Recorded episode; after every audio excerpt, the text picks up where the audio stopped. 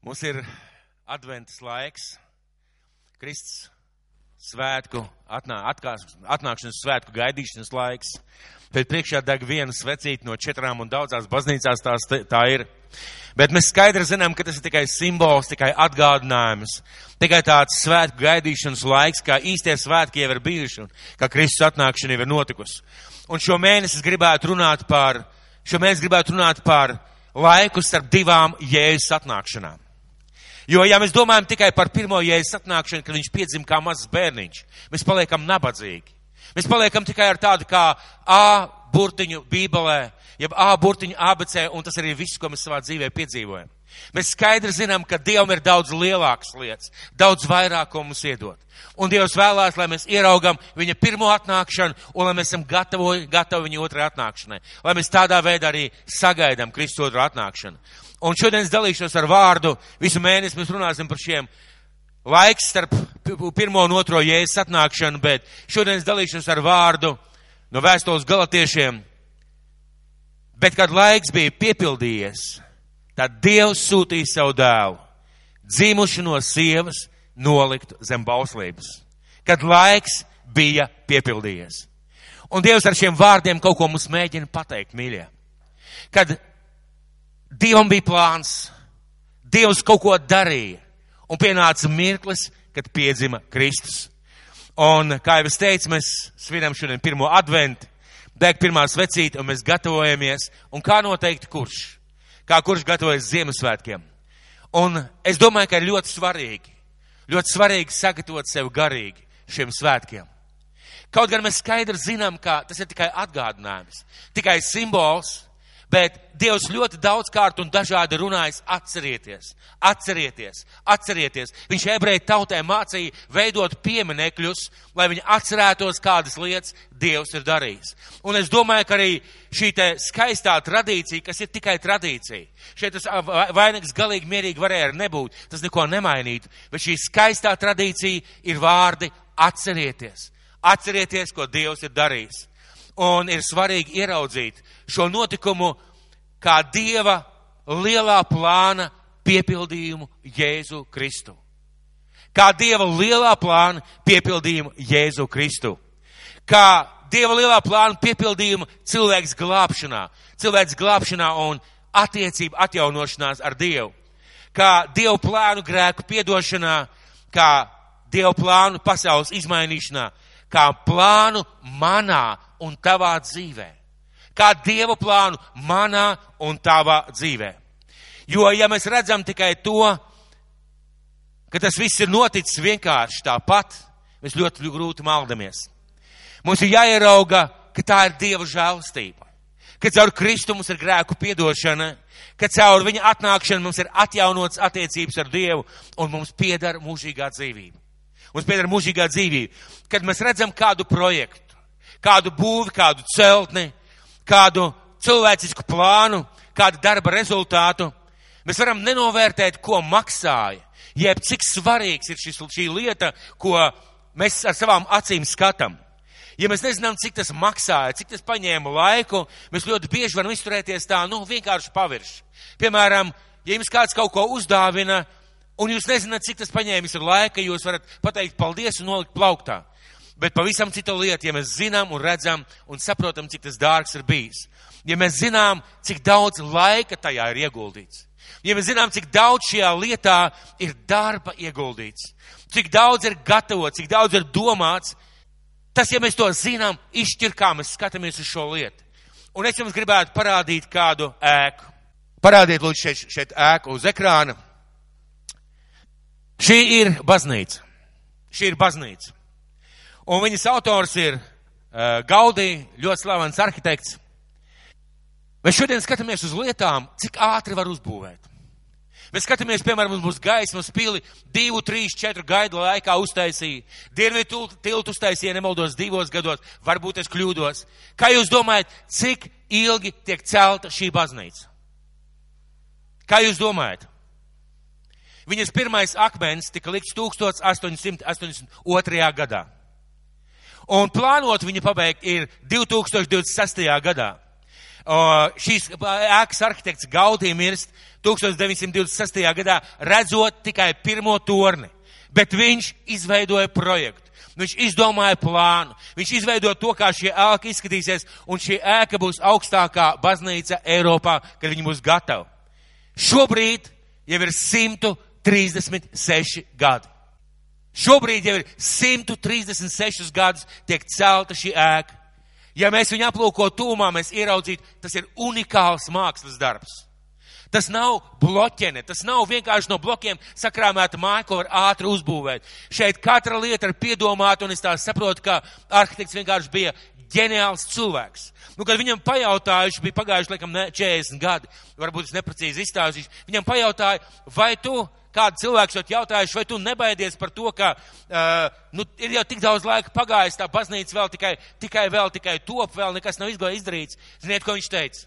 Viņš to teicis, mans pasūtītājs nekur nesteidzās. Un viņš domāja Dievu. Mans pasūtītājs nekur nesteidzās. Bet, kad mēs skatāmies uz šādu ēku, mēs saprotam, cik viņa ir unikāla, dārga un vērtīga. Jo ir pagājis milzīgs laiks ir ieguldīta milzīga resursa, ir ieguldīts milzīgs intelektuālais potenciāls, lai šo ēku uzbūvētu. Vai mēs esam padomājuši, cik dievam prasīja laiku, pūles sagatavot Kristus atnākšanu? Vai jūs kādreiz esat domājuši, cik Dievs ieguldīja tajā, lai Kristus varētu atnākt? Dievs grib glābt cilvēci. Dievs grib glābt cilvēci no viņas paša. Cilvēks glābt no viņiem pašiem, no grēkiem, no nelaimēm, no salauztītības. Dievs grib dot cerību. Dievs grib dot mīlestību, Dievs grib dot žēlastību. Dievs vēlās cilvēkiem dot mūžīgo dzīvību. Lai tas notiktu, viņš sūtīs savu vienpiedzimušo dēlu. Viņš ir plānojis sūtīt jēzu, bet kā? Bet kā viņš sūtīs? Ļoti vienkārši mēs varētu iedomāties, Dievs vienu dienu nolēma, pateica, pieņēma lēmumu un jēzus atnāca. Dievs tā varētu izdarīt. Bet, ziniet, Mums ir svarīgi ieraudzīt. Mīļie draugi, tev un man ir svarīgi ieraudzīt. Cik daudz Dievs ir izdarījis pirms tam, lai tu šodien šeit sēdētu. Lai šodien tavs vārds būtu ierakstīts dzīvības grāmatā. Lai šodien tu varētu pateikt, paldies tev Dievs par glābšanu un par pestīšanu. Cik daudz Dievs šajā laikā ir izdarījis. Un kā viņš gatavoja jēzus atnākšanu. Kā viņš sagatavoja savu dēlu jēzus atnākšanu. Un es sākšu šodien ar Lūkas evaņģēliju, ar Lūkas evaņģēliju. Pirmo līdz ceturtajam pantam. Bet šodien es gribētu jūs aicināt vienkārši pierakstiet. Nešķiriet vaļā, nemeklējiet, jo mums būs diezgan daudz vietas. Un uh, vienkārši skatīsimies Lūkas evaņģēliju un es gribētu sākt ar pirmajiem pantiem. Kad jau daudz sākuši aprakstīt lietas, kas notikušas mūsu starpā, kā, mums, kā to mums atstāstījuši pirmie acu liecinieki un dievvvārdu kalpi, tad arī es visam no sākuma izsakojis nolēmu tev teofīlu rakstīt pēc kārtas, pēc kārtas to uzrakstīt, lai tu pārliecinātos par tās mācības patiesību, kas tev darīts zināms. Un arī šodien gribēju izsakot it kā no sākuma. Kāds ir Dieva plāns Kristus atnākšanai?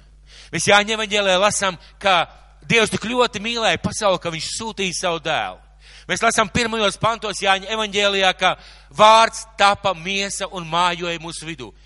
Bet kas notika pirms tam? Kā Dievs pirms tam gatavoja Kristus atnākšanu? Un mēs atgriezīsimies pie cilvēces radīšanas.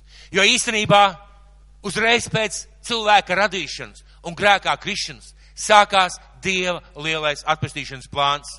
Un mēs zinām, kā, kāds ir šis stāsts, kā Dievs saka, nēdiet no šiem augļiem, nēdiet, jo jūs mirdam mirsiet. Un ko Dievs patiesībā ar šiem vārdiem pasaka? Jūs mirdam mirsiet.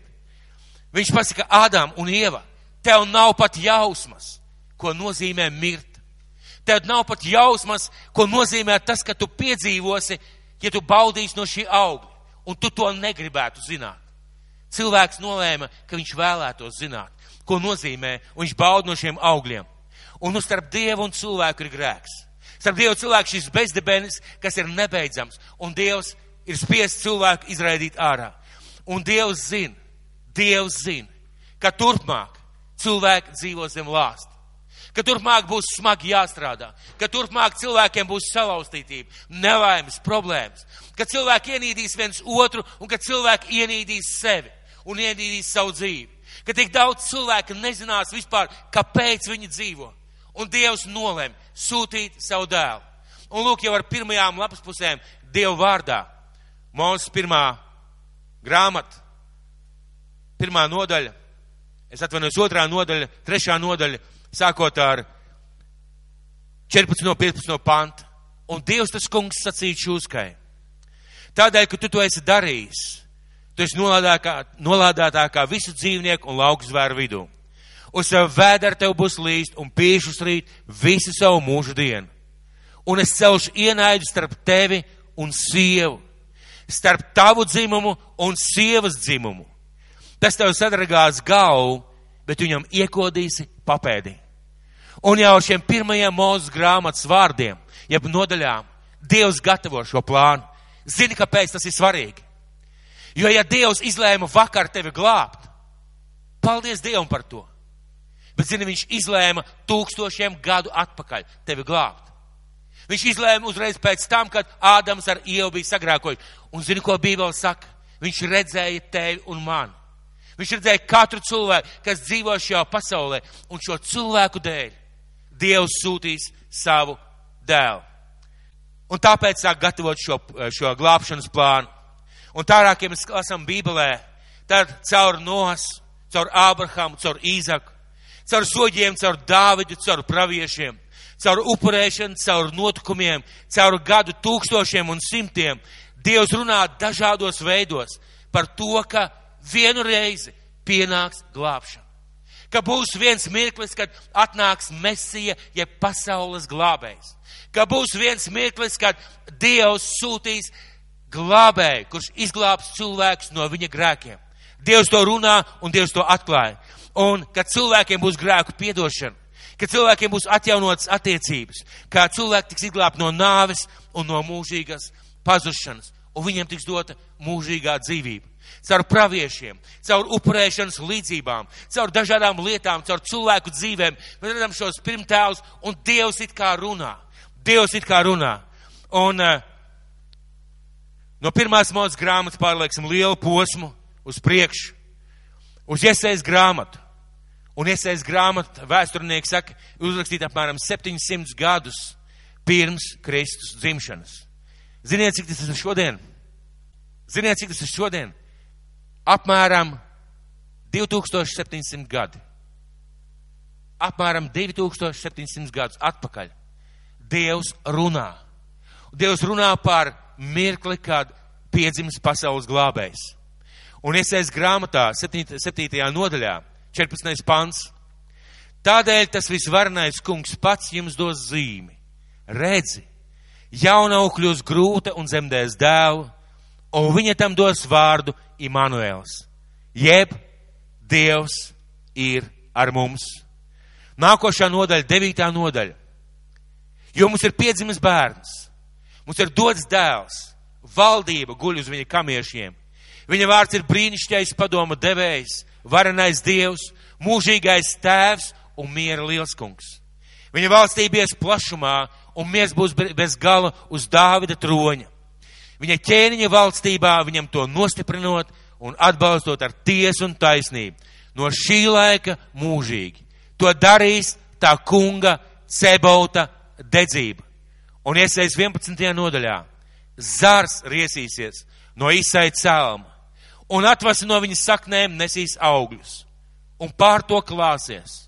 Un to sargās tā kunga gars, gudrības un saprāta gars padoma un spēka gars, atziņas un tā kunga bības gars. Kāpēc? Lai Dievs sevi pagodinātu. Ne tāpēc, lai mēs būtu izglābti. Tāpēc, lai mēs būtu daļa no lielā Dieva glābšanas plāna. Tāpēc, lai šodien sēžot šajā krēslā un šajā vietā, lai gaidot šo Ziemassvētkus un dedzinot šo pirmo svecīti, mēs atcerētos, mēs atcerētos, Dievs mūs ir redzējis, pirms mēs jau piedzimām. Viņš sāk šo plānu gatavot daudz gadu tūkstoši atpakaļ, lai mēs šodien un lai citi cilvēki šodien būtu izglābti. kā Dievs evaņģēlijos atklāja šo sevi sagatavoto plānu. Un mēs iesim uz Mateja evaņģēliju. Mateja evaņģēlijas pirmā nodaļa. Un es zinu, ka pirmā nodaļa daudziem liekas diezgan dīvaina. Tāpēc es lasīšu pirmo un otro pantu, un tad mēs pārlieksim uz 16. pantu. Jēzus Kristus, Dāvida dēla, Ābrahama dēla cilts grāmata. Ābrahams dzemdināja Īzaku, Īzaks dzemdināja Jēkabu, Jēkabs dzemdināja Jūdu un viņa brāļus. Svarīgi Jēzus Kristus, Dāvida dēla, Ābrahama dēla cilts grāmata. Un mēs pārlecam uz 16. un 17. pantu. Jēkabs dzemdināja Jāzepu, Marijas vīru, no kuras ir piedzimis Jēzus, kas tie saukts Kristus. Tātad no Ābrahama līdz Dāvidam ir pavisam 14 augumu. Un no Dāvida līdz Bābeles trimdai 14 augumi. Un no Bābeles trimdas līdz Kristum 14 augumi. Kāpēc mēs to lasām? Kāpēc mēs to lasām? Es nelasīju visus tos radu rakstus, jo būtu diezgan grūti izlasīt visu šīs nodaļas īstos vārdus un pareizā veidā. Bet, kad mēs lasām personīgi Bībeli, mēs izlasām jautājums, kāpēc mēs lasām visus šo cilvēku stāstus. Un mēs varam lasīt Bībelē, mēs varam atrast viņu stāstus, kā izstāstīts par viņu dzīvi tajā laikā. Kāpēc šie stāsti? Dievs saka, ieraudziet, jeb ieraugiet to, ko es darīju, kad jūs vēl nebija. Ieraugiet, ka Kristus tiek gatavots pirms jūs vispār vēl bijāt ieplānot vai vispār radāties. Dievs parāds ar šiem radu rakstiem, cik ietilpīgs, cik liels, cik gudrs un spēka pilns ir viņa plāns. Bet debes tēvs paredzējis, ka kādam pirms tam, debes tēvs ir paredzējis, ka kādam pirms tam ir jānāk un jāsludina, viņš ir mesija. Dievs paredzējis, ka kādam cilvēkam pirms tam ir jānāk un jāsaka, sagaidiet mesiju. Mesija tuvojās. Laiks ir pienācis. Un ko Dievs dara? Debes tēvs sagatavo Jāņa kristītāju piedzimšanu. Un Lūkas evaņģēlijas, mēs šeit lēkāsim no Lūkas uz Mateja evaņģēliju visu laiku. Lūkas evaņģēlijas, pirmā nodaļa no 8. līdz 17. Tātad Lūkas evaņģēlijas mēs jau nedaudz sākām lasīt. Tur es runāju par laiku, par Cahariju, par, par viņa sievu Elizabeti. Bet no 8. panta, bet notika, kad Caharija pēc savas kārtas izpildīja priestara pienākums Dievu priekšā. Un pēc priestara paražas viņam pienācās iet tā kunga namā un kvēpināt. Bet viss ļaužu pūks ārā lūdzu Dievu kvēpināpā stundā. Tad viņam tā kunga eņģelis parādījās stāvēdams kvēpināmā altāra labajā pusē. Caharija to redzēja, izbijās un bailes to pārņēma. Bet eņģēlis viņa sacīja, nebīsties, Zaharija, jo tavas lūkšanas ir paklausīts un tavs sieva Elizabete dzemdēs dēlu. Tu viņu sauksi Jānis, un tev būs prieks un līksmība, un daudzi priecāsies par viņu piedzimšanu. Jo viņš būs liels tā kunga priekšā, vīnu un stipru dzērienu viņš nedzers, un svēts gars viņu piepildīs jau no mātes miesām un daudzus Izraēla bērnus viņš atgriezīs pie tā kunga, viņa dieva. Un viņš ies viņa priekšā ēlijas garā un spēkā, piegriezdams, piegriezdams tās sirds bērniem un nepaklausīgos taisno domām, sagatavotams tam kungam padavīgus ļaudis. Un 24. pants. Un pēc šīm dienām Elizabete, viņa sieva, tapa grūta un nerādījās ļaudā, ļaudīs piecus mēnešus ilgi. Dievam vajag, lai kāds iet pa priekšu. Un Dievs nevis vienkārši nosūta eņģeli no debesīm, viņš sagatavo kādu cilvēku. Viņš sagatavo kādu ģimeni, viņš sagatavo kādu cilvēku, kas ies Jēzum pa priekšu. Tas nozīmē, ka Dievs ieguldās šī cilvēka dzīvē. Un tad Dievs sūta eņģeli pie Marijas. Un turpat Mateja, un turpat Lūkas evaņģēlijā no 26. Bet 6. mēnesī eņģeli Gabrielu Dievs sūtīja uz galvenais pilsētu Nāceret. Pie jaunavas, kas bija sadarināta vīram, kam vārds Jāzeps no Dāvida cilts. Un jaunavas vārds bija Marija. Un eņģēlis pie viņas ienāca sacīja, esi sveicināta tu apžēlotā, kungs ar tevi. Bet viņa iztrūkās par viņu valodu un domāja pie sevis, kas tas par sveicienu. Un eņģēlis sacīja, nebīsties Marija, jo tu žēlastības atradus pie Dieva. Un redzi, Tu tapsi grūti savās miesās un dzemdēsi dēlu un sauks viņa vārdu Jēzus. Tas būs liels, un viņš sauks par visaugstākā dēlu. Un Dievs tas kungs tam dos viņa tēva Dāvida troni. Un viņš valdīs pār jēkabanām mūžīgi, un viņa valstībai nebūs gala. Bet Marija sacīja eņģelim, kā tas var notikt, jo es vīri neapzinos. Tad eņģelis atbildēja un uz to sacīja, svēts gars nāks pār tevi, un visaugstākā spēks tevi apēnos. Tāpēc tas, kas no tevis dzimis, būs svēts, un tāpēc saukts Dieva dēls. Zini, Elizabete, tava radniece savā vecumā, arī ir grūta ar dēlu, un iet tagad sestajā mēnesī. Tā, ko dēvē neauglīgi. Jo Dievam nekas nav neiespējams.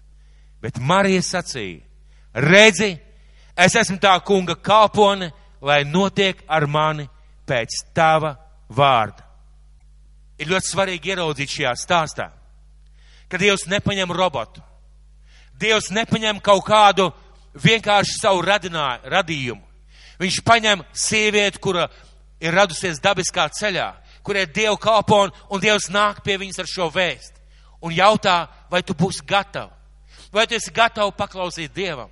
Vai tu esi gatava uzņemties šo risku, šo milzīgo izaicinājumu, šo milzīgo svētību un tā pašā laikā šo milzīgo atbildīgo pienākumu ļaut nākt pasaulē caur sevi, sevi pasaules glābēm.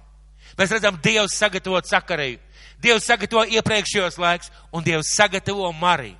Un Marija šajā mirklī saka, un ziniet, kad mēs domājam par šo stāstu, es vienmēr, es vienmēr ar tādu bību domāju par to mirkli, kad eņģelis pasaka šos vārdus.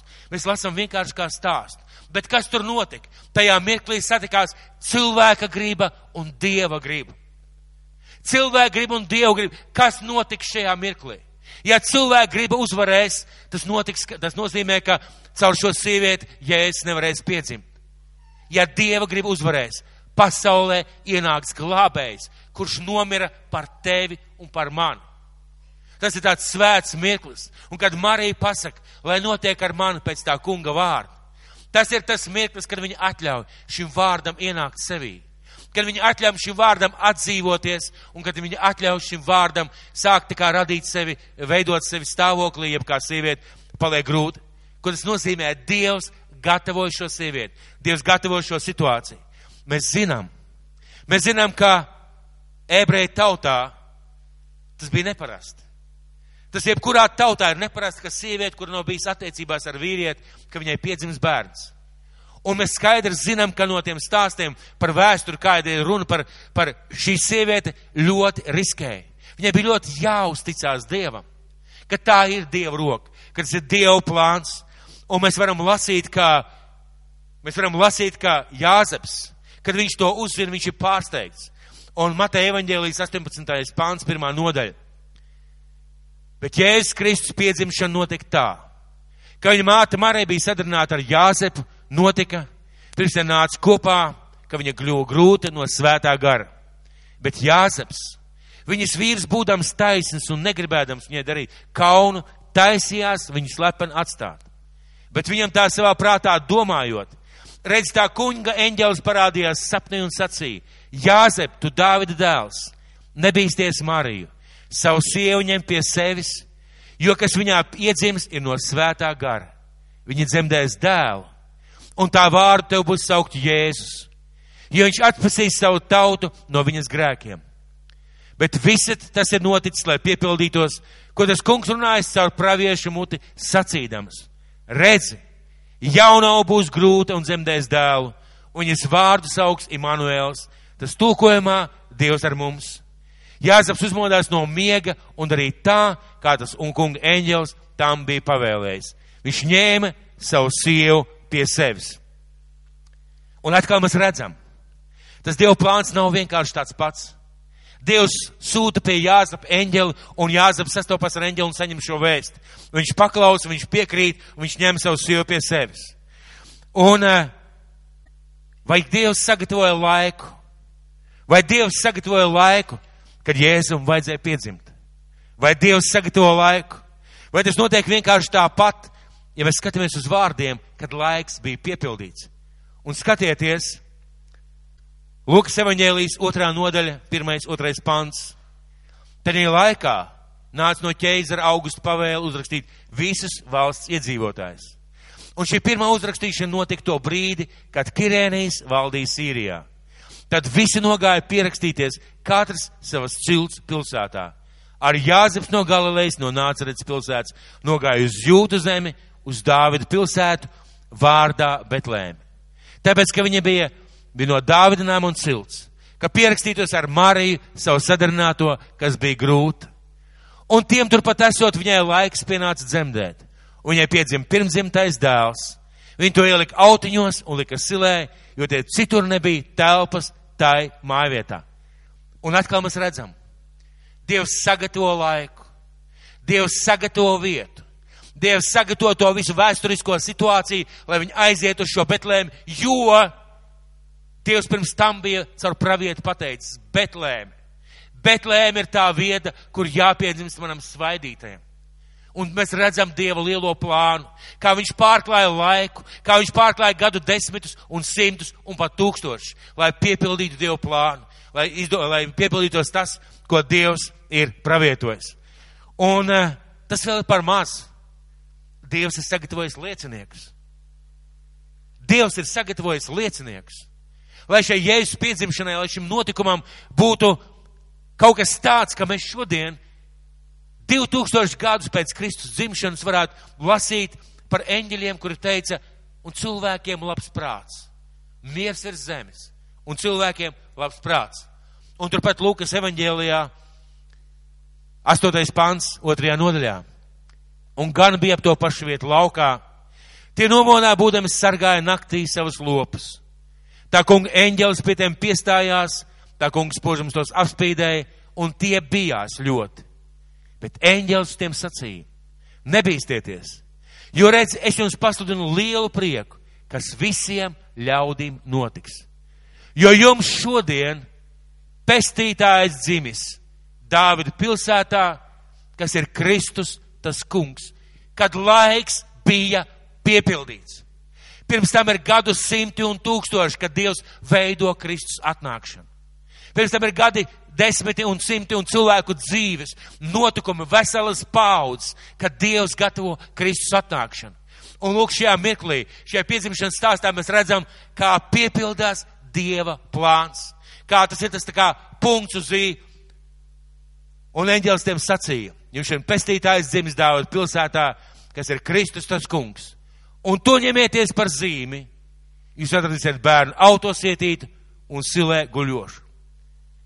Kāda dieva gudrība? Kāda dieva gudrība? Kā viņš nepiedzimst kādā karaļa namā ka Kristus nepiedzimst kādā augdzimuša cilvēka namā, vai pat labi situēta, vai pat turīga cilvēka namā. Kāda dievu gudrība, ziniet, kāpēc? Tāpēc, ka šodien pat pēdējais bezpajumtnieks sev var identificēt ar Kristu. Pat pēdējais neveiksmieks uz šīs planētas Zeme var teikt, ja Kristus piedzima kūtiņā, man arī var būt glābšana. Ja viņš atnāca tādos apstākļos, es arī esmu tādos. Jebkurš var identificēt un skatieties, kas ir pirmie liecinieki. Ne ķēniņi, ne cari, ne varnie. Vienkārši cilvēki.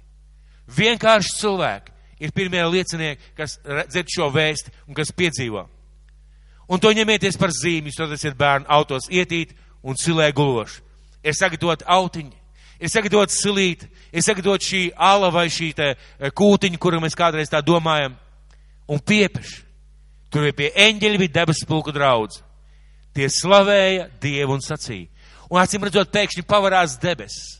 Viņi ierauga debesu pulkus un viņi dzird, kā eņģeļi slavē Dievu un saka, gods Dievam augstībā, miers virs zemes un cilvēkiem labs prāts. Kas tie ir par vārdiem?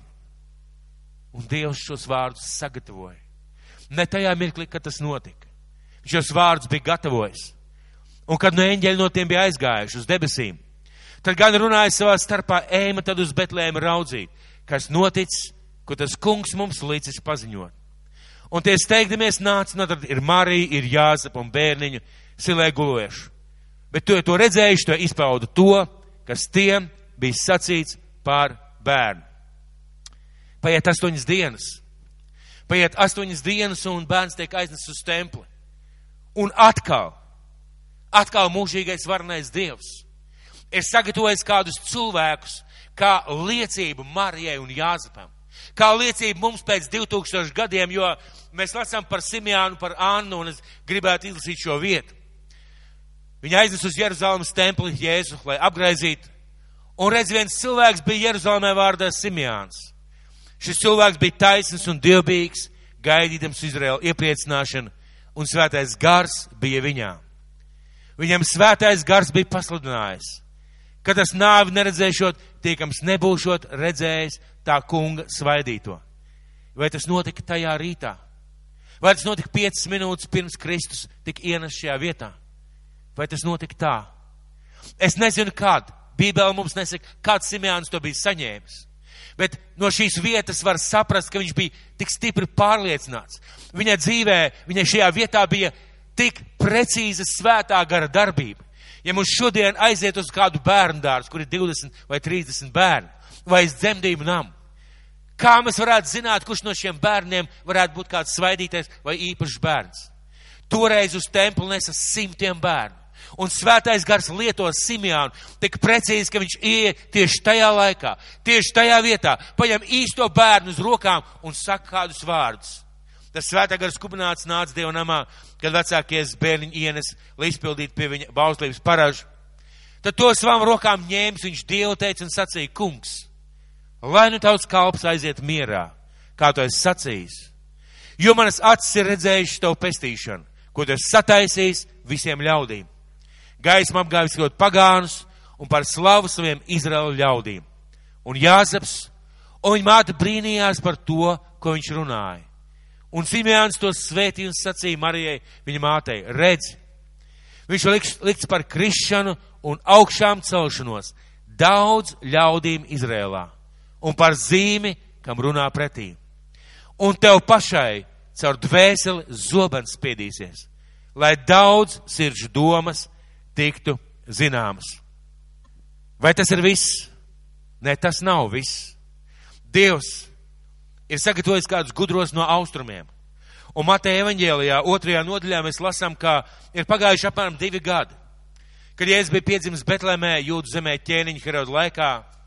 Redz, gudri vīri no austrumu zemes atnāca un jauta uz Jeruzāmu un sacīja, kur ir jaunpiedzimušais Jūdu ķēniņš, jo mēs viņa zvaigzni redzējām austrumu zemē, un atnācām viņu pielūgt. Kas ir interesanti, ka cilvēki, kur pēt šo jautājumu, viņi saka, ka šis te ceļojums varēja būt tieši divu gadu un pat varbūt vairāk la laikā. Ka viņi ieraudzīs šo zvaigzni un viņi dodās uz Jeruzāmu, lai pielūgt šo ķēniņu. Un uh, viņi atnāk un tad ir uzreiz 11. pants un namā iegājuši. Tie ieraudzīja bērnu līdz ar Mariju viņa māti. Tie nometās ceļos un viņu pielūdza. Tie te atvēra savus mans un dāvāja viņiem zeltu, vīraku un mirras. Un sapnī saņēmuši norādījumu pie Heroda neatgriezties. Tie aizgāja pa citu ceļu uz savu zemi. Un atkal mēs redzam, Dievs ir sagatavojis cilvēkus. Dievs sagatavojas apstākļus, Dievs sagatavojas zvaigzni. Dievs lieto pat dabu, lai atklātu un lai parādītu, kurā veidā un uz kurien doties šiem austrumu gudrajiem. Kas notiek tālāk? Dievs saprotot un zinot, ka bērnam varētu draudēt briesmas, kā Herods to, Herods eh, centies, centīsies nokaut šos bērnus, viņš sūta eņģeli pie, pie Jāzepa. Bet, kad tas bija aizgājuši, redz tā kunga eņģelis parādījis Jāzepam sapnī un sacīja, celies, ņem bērnu, viņa māti un beidz uz Ēģipti un paliec tur, kamēr es tev to teikšu jo Herods meklē bērnu nokaut. Tad viņš cēlās, ņēma bērnu, viņa māte naktī un bēga uz Ēģipti. Un palika tur līdz Heroda nāvei, lai piepildītos tā kunga vārds, runāts ar praviešu muti. No Ēģiptes es savu dēlu esmu aicinājis. Paiet kāds laiks, un Dieva plāns ir, lai Kristus atgrieztos atpakaļ. Un uh, mēs, mēs par to varam lasīt tālāk šajā Mateja evaņģēlijā, 19. pantā, otrajā nodaļā.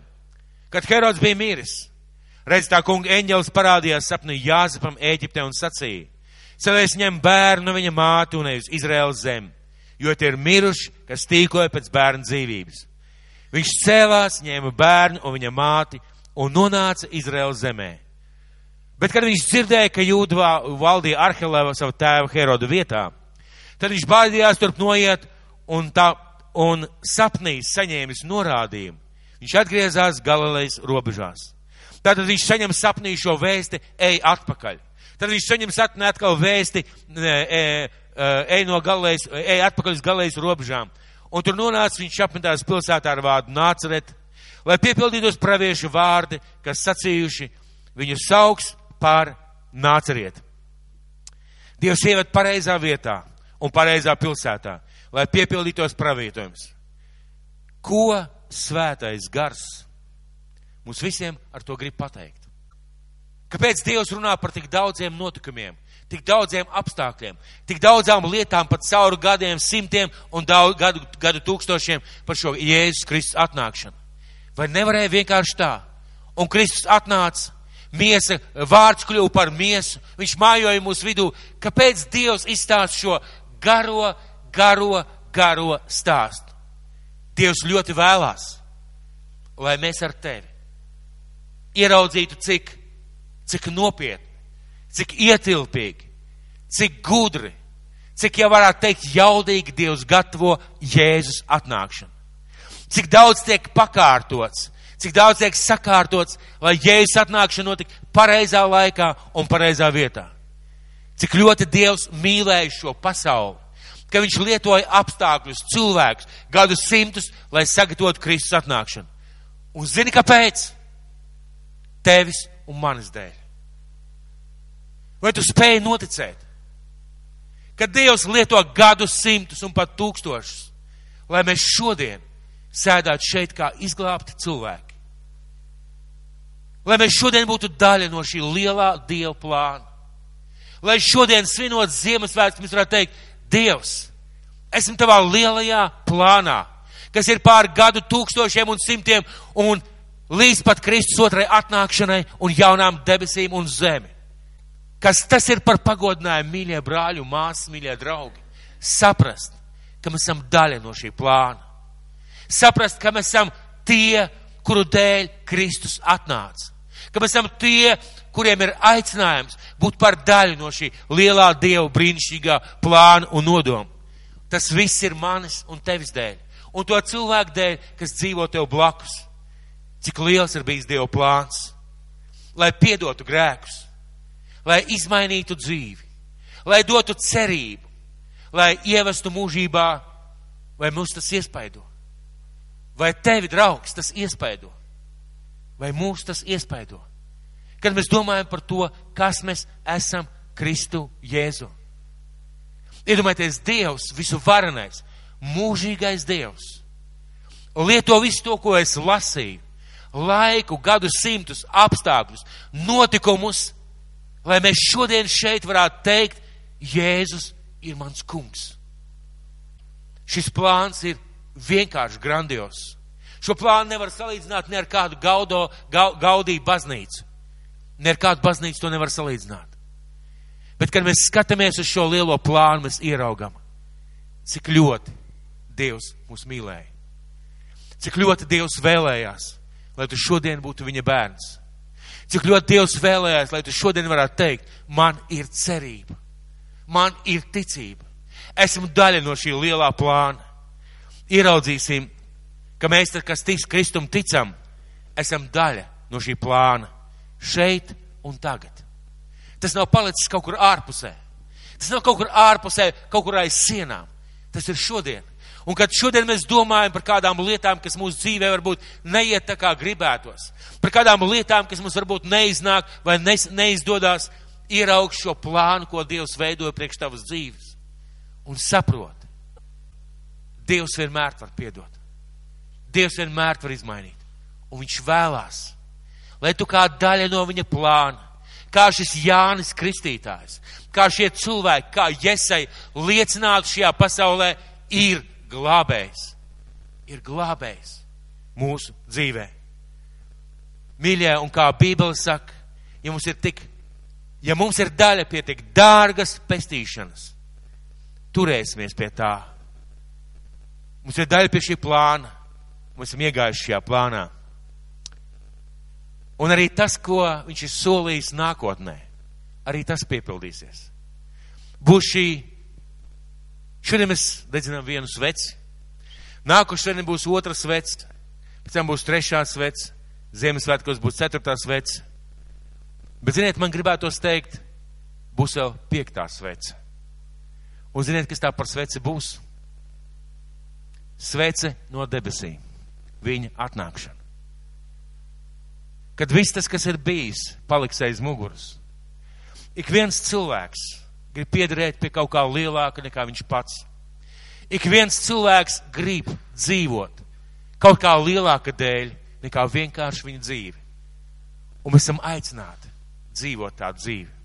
Mēs esam aicināti būt par daļu no šī lielā plāna. Un šis ir gatavošanās laiks svētkiem. Kā Dievs sagatavoja jēzus atnākšanu? Mēs tikko runājām. Kā būtu? Kā būtu, ja arī mēs sagatavotu savā sirdī Kristus atnākšanu? Kā būtu, ja mēs šo laiku veltītu tam, lai lūgtu par kādu cilvēku, ko uzaicinātu uz Ziemassvētku dievkalpojumu. Lai aiziet pie viņa, lai varbūt nedaudz liecinātu, lai pateikt, atbraukšu tev pakaļ, aiziesim kopā, es te uzaicinu uz dievkalpojumu. Es te uzaicinu uz baznīcu, kurā runās par Kristus piedzimšanu. Kā būtu, ja kādam cilvēkam uzdāvinātu dāvanu, ko viņš nav pelnījis? Zini, kāpēc? Jo ikvienam no mums ir uzdāvināta dāvana, ko mēs nebijām pelnījuši. Pēc būtības cilvēks ir puteklis un tāds vēja pūtiens vien ir. Bet cik lielu svarīgu nozīmi Dievs ir piešķīris ar savu dēlu Kristu mūsu dzīvē. Cik daudz viņš ir izdarījis. Un pat ja mums dzīvē nekā nav, bet ir tikai Kristus, mēs esam vislaimīgākie cilvēki. Jo mums pieder mūžība, mums pieder arī tagad. Gatavosimies šiem svētkiem gatavosimies Kristus atnākšanai. Un es jūs tiešām aicinu, mīļie, pārlasiet evaņģēlijos šos stāstus, Lūkas un Mateja evaņģēlijā, un padomājiet, cik ļoti Dievs jūs mīlēja, cik ļoti Viņš varbūt uzlika kādiem cilvēkiem nastu, pienākumu, vai kādas lietas, lai Kristus varētu atnākt. Mani personīgi tas ļoti iedvesmo. Kad es lasīju šo stāstu, es sapratu, ka es gribu par to sludināt. Ka es gribu tā domāt par Kristus atnākšanu. Ka es gribu tā redzēt savu vietu debesu valstībā. Un ja tu esi šeit, un ja tu nevari teikt, ka tu piedari Kristum, tad tev ir jāzina, ka Kristus tevi gaida. Ja tu nevari teikt, mana dzīve ir atdota Kristum, tev ir jāzina, ka viņš gaida tavu dzīvi. Vai, lai tavs vārds tiktu ierakstīts mūžīgajā grāmatā lai tavs vārds piederētu Kristum, lai tu varētu teikt, esmu daļa no viņa plāna, no viņa gribas šajā pasaulē. Ja tavā dzīvē ir kādas problēmas un grūtības, paskaties, cik daudz Dievs ir izdarījis un zini, viņš spēj izdarīt arī tavā dzīvē vēl daudz, daudz vairāk. Jo mums piedara šī dārgā pestīšana. Un, mīļie draugi, Ziemassvētki ir tāds kluss laiks, bet Ziemassvētki ir ļoti priecīgs laiks. Ja mūsu dzīvē ir Kristus.